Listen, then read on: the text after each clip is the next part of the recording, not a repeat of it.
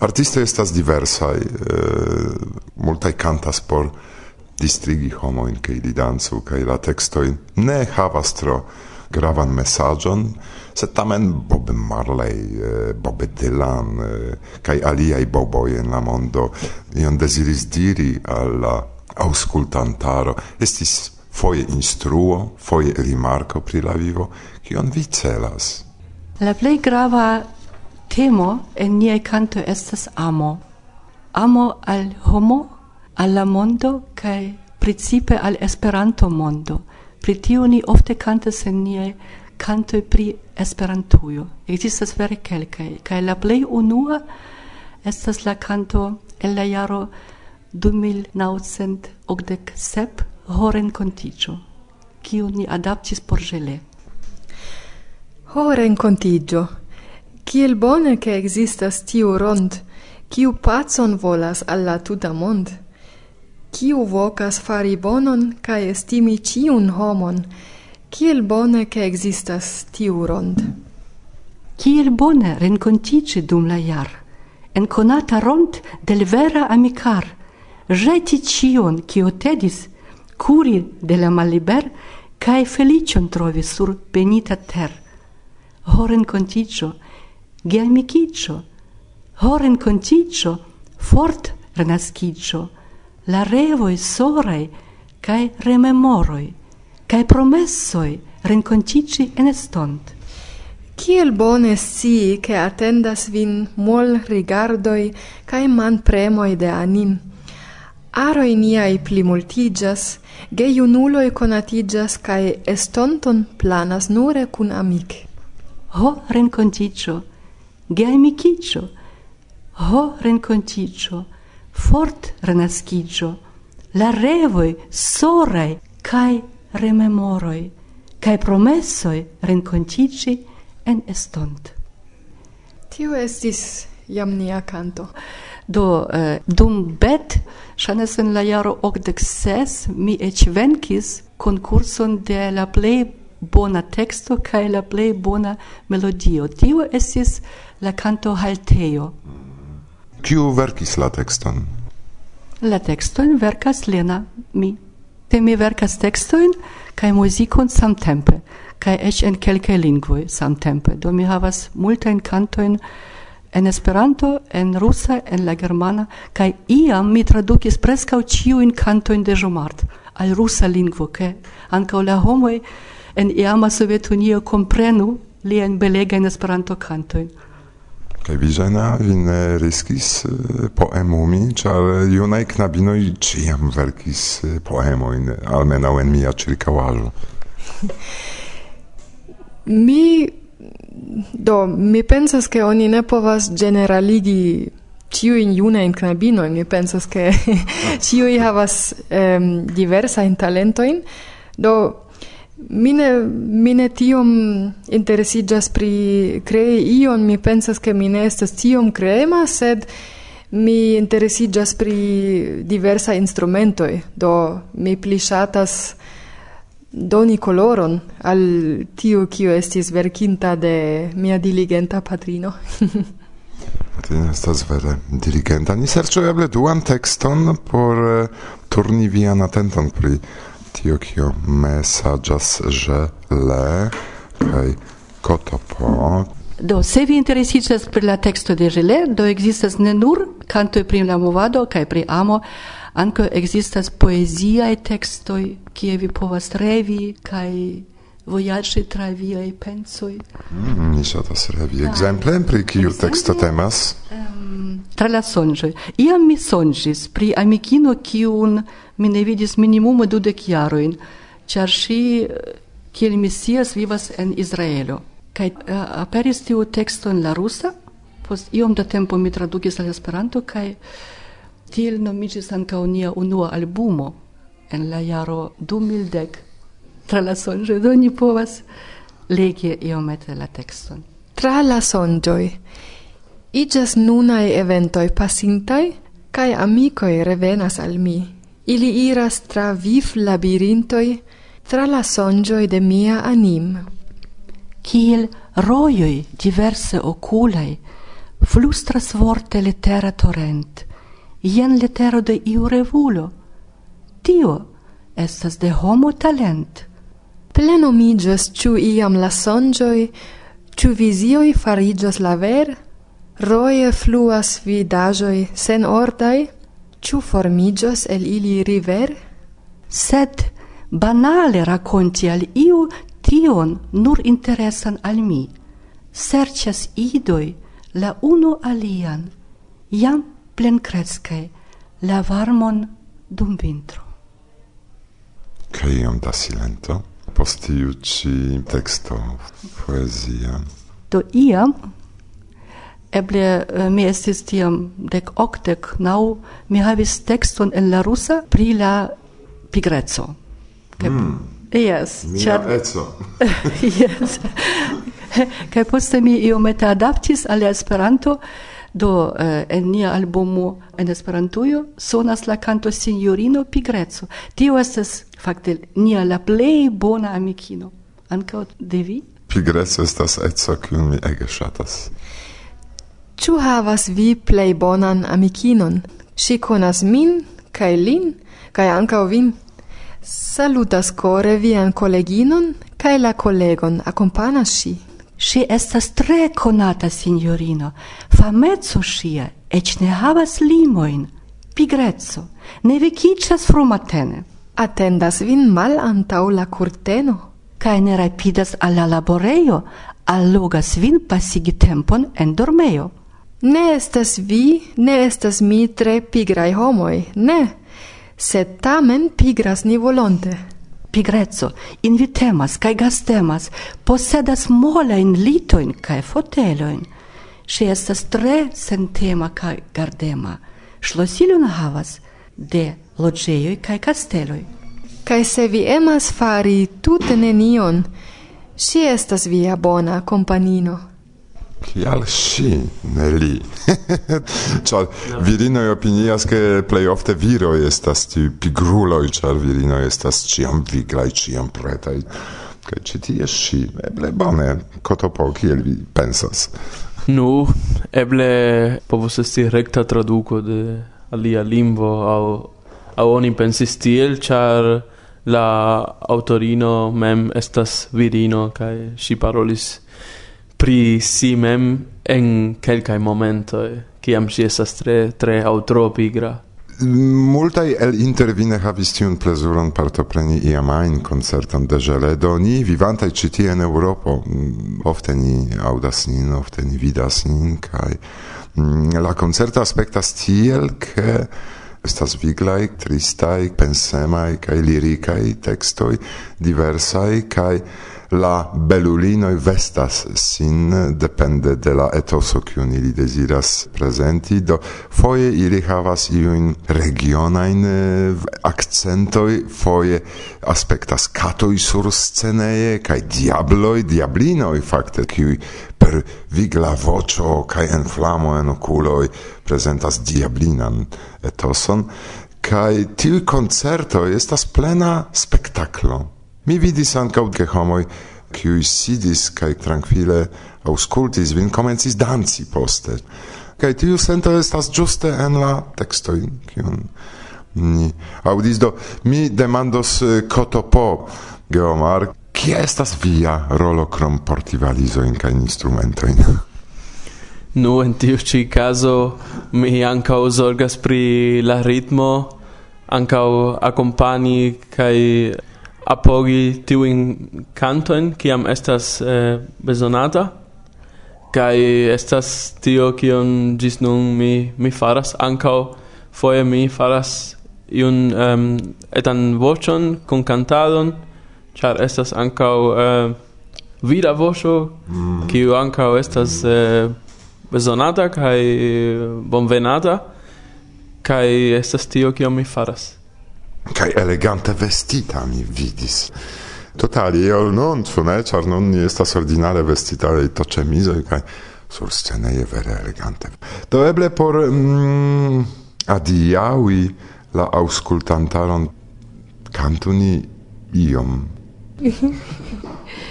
yes. Por renkontiĝon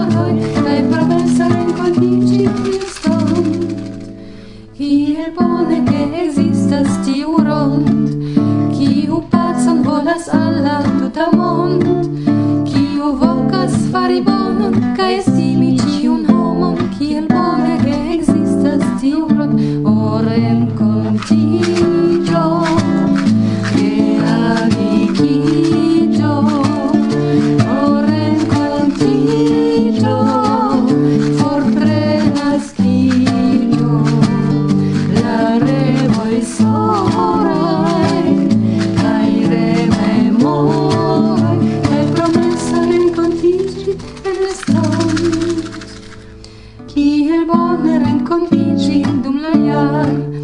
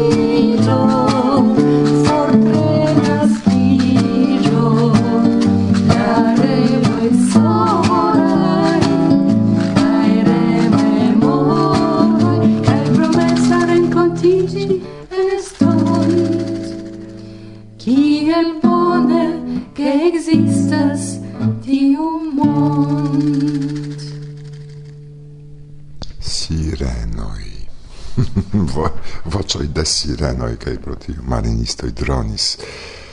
Karaj, ni tre antaŭĝojas la sekvan renkontiĝon. Ĉiam estas plezuro reveni al la mirinda mondo de Esperantujo.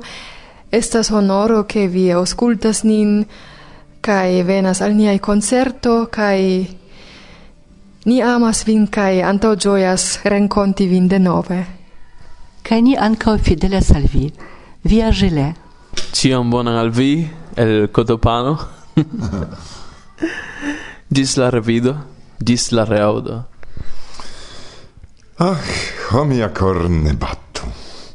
Coran dankon pro mm, interviuo antau microfono de Varsovia Vento. Estis Zenia, Lena, kai Heomar. Varsovia Vento, bla, bla, bla.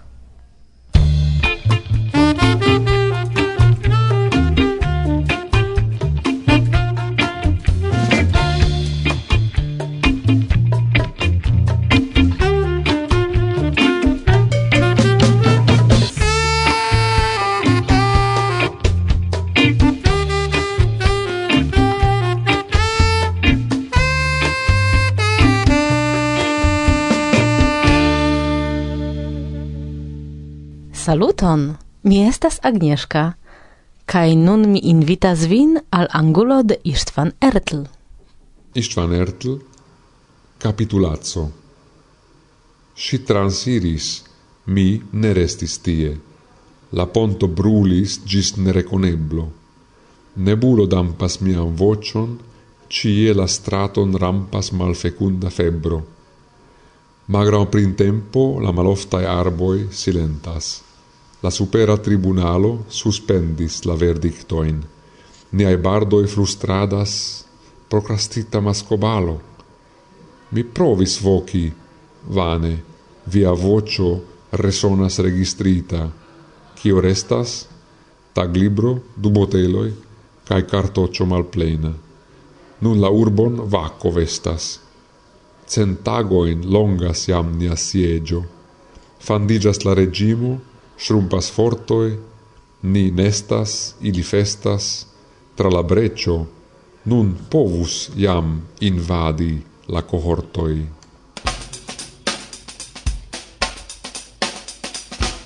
Mm.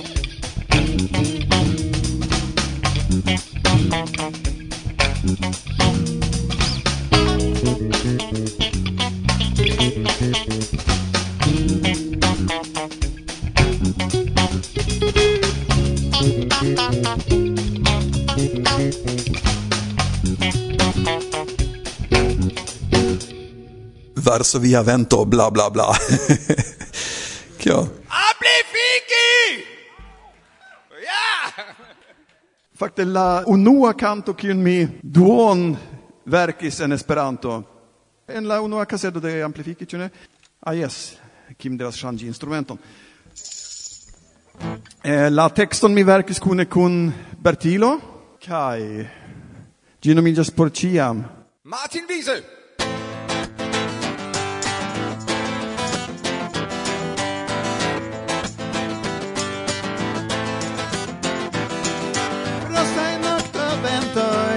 pegas tra la corp Exer minor pluvo ene nula flor Ĉiuj kvar sezonoj jam memorigas min.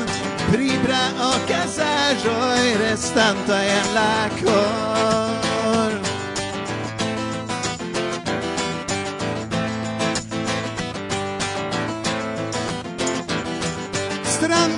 kiel multe plus amas post changis de la granda timo neniam fuĝos mi. Ofte se teruro grandegas en la vi ĉio ebla helpo forestas tiom pli.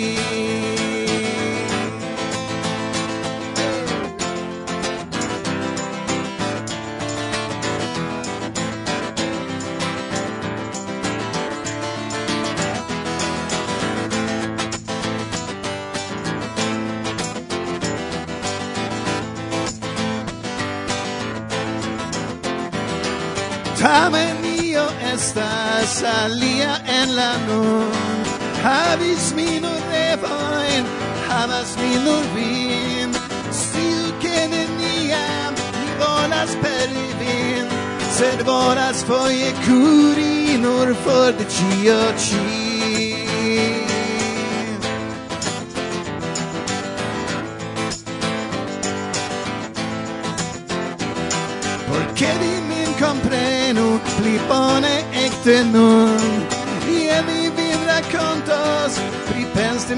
مکن نماردس میسه ایجاس پدر رو لمجای سر پست ایا گره و پرچیم استاز فای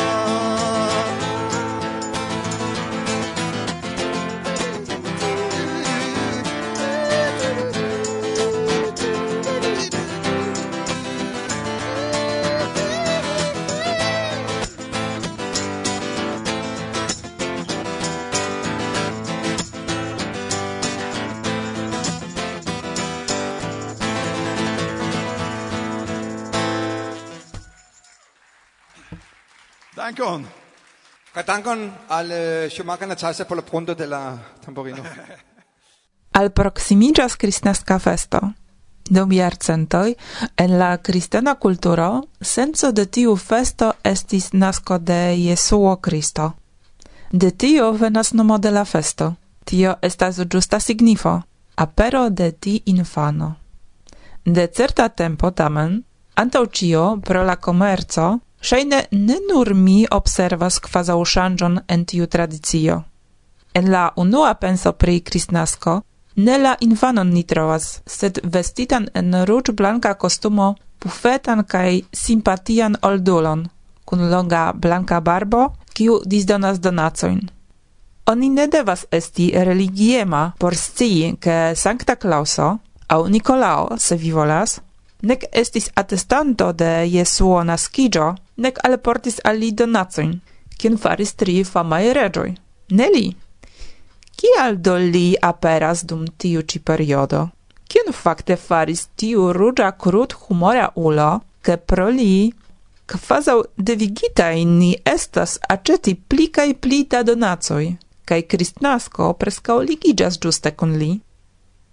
Eble kelkaj aŭskultantoj memoras mian prezentadon unu jaron antaŭe pri diversaj nomoj de tiu simpatia barba oldulo. En multaj landoj li estas diverse nomata. Sankta Klauso estas ankaŭ Sankta Nikolao, kaj ne nur. Revenu al la cent tridek kvara elsendo por rememori la temon. Temas pri vere existinta persono, kiu sekve igis sanktulo. Naskiĝis li ĉirkaŭ la ducent sepdeka jaro post Cristo, cae en historio trovas nilin kiel tre religiema episcopo en Miro, surtere de la nuntempa Turcio. Ne nur estis li el familio ricia, sed ancau estis li malavara cae helpema al aliei homoi. Uno el la plei conatae racontoi estas tiu pri malriĉa patro, kiu ne havis monon por edzinigi siain filinoin, pro kio ili devus labori kiel kurtizanoi. Audinte tion, Sancta Nicolao helpis tiam pere de secreta donaco de mono. Ču vi jam vidas similecon? Helpis li ancau al multai junuloi, fiŝkaptistoj kai al multai aliei.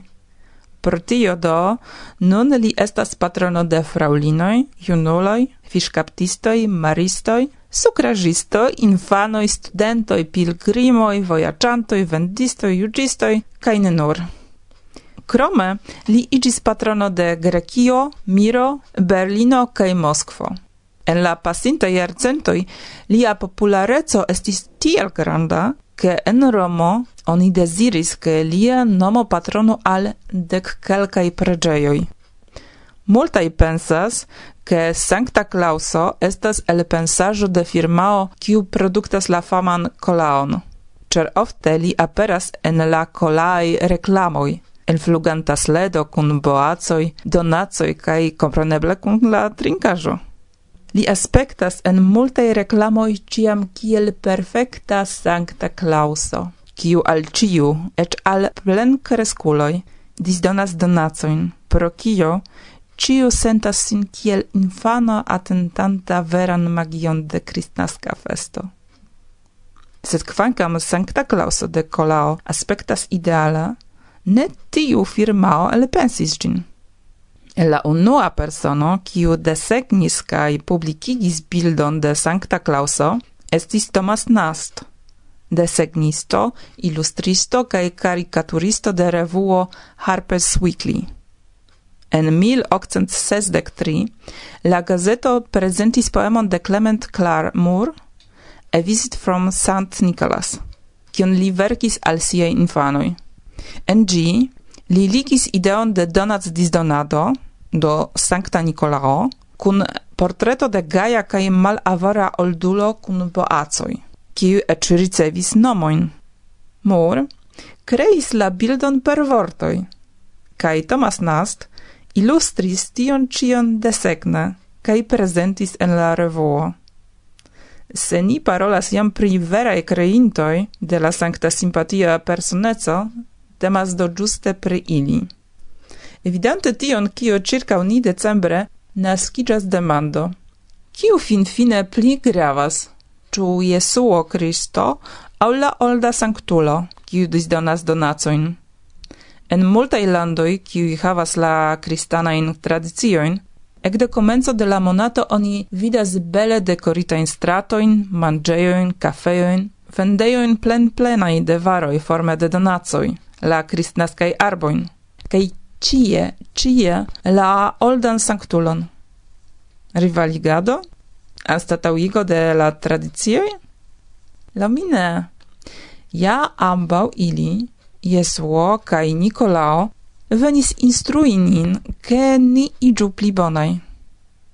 Tiu tempo do povas esti periodo de vera lernado esti pli atentemai, kai sentemai rilate alla aliei homoi olkutime. ol kutime. Nikolao au sancta Klauso Li, existante quasau exter la religia tradizio, en sia messaggio ne per vortoi, set per agoi inspiras nin rimarki ne nur la familianoin, sed ancau neconatuloin, tiun, kiui bezonas helpon, kai ne ciam havas proximuloin, kiui povas esti apud ili.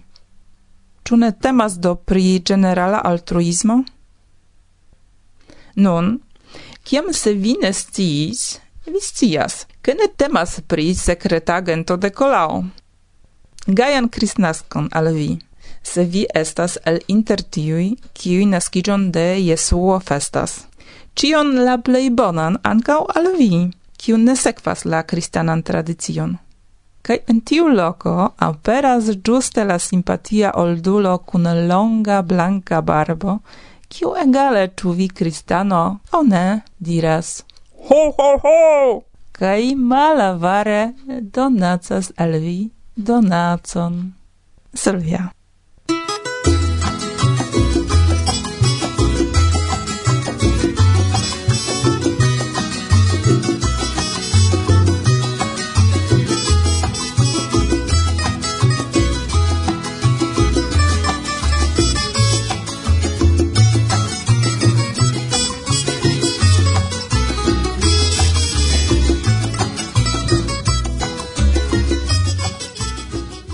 Varsovia vento. Bla, bla, bla. Saluto. Mi estas Chen, kai nun mi invitas vin a la angulo de Jorge Camacho. Unu, du, tri. Mi nun en mia heimo povas rigardi al arboi trans la fenestro kai foie tio inspiras al mi poemetoin. Do mi povas legi al vi unu el ili kiu ancora ne estas publikigita en libro, echene en revuo. gi titolillas Haiketo, eta haiko. Trans la fenestro, Colombo en sianesto. nesto. En cio. Reclamo. Saluton. Mi ne scias, ĉu la sekva okazo aperi en Panteono de nia kultur subtenantoj pro partopreno en la sepdec unuae beletrae concursoi de UEA. Imagu che pasintiare la nombro de ricevitai concursajoi recordis cae atingis palindroman resulton cent sepdec unu. Pro tio, la sekretario esprimas grandan gioion spertitan de la gvida beletra konkurso skipo kaj instigas beletre muloin fervore superi tiun rekordon konkursante per alt qualitai verkoj en cinova okazigo de tiu kultura evento unu el la tradizia iam, kaj plei shatatai en Esperantujo. La resultoin oni anoncos kompreneble kadre de la centquina universala kongreso en Montrealo. Kiel kutime, Partopreno en la concurso estas libera al ciui, cae ne ligita cun la uco aligio. La concursajoi devas esti neniam antaue publicigitai en aina formo, krom en la branĉo infan libro de la jaro. Oni raitas sendi maksimume tri concursajoin por la sama branĉo aŭ subbranĉo, pri kio detalain informoin vitrovos post electo de ligilo, kiun serĉu en priskribo de el sendo La absoluta limdato por ricevo de concursaĵoj estas la 31 de marto 2012 kaj la detalan regularon vitrovos en la retejo de UEA.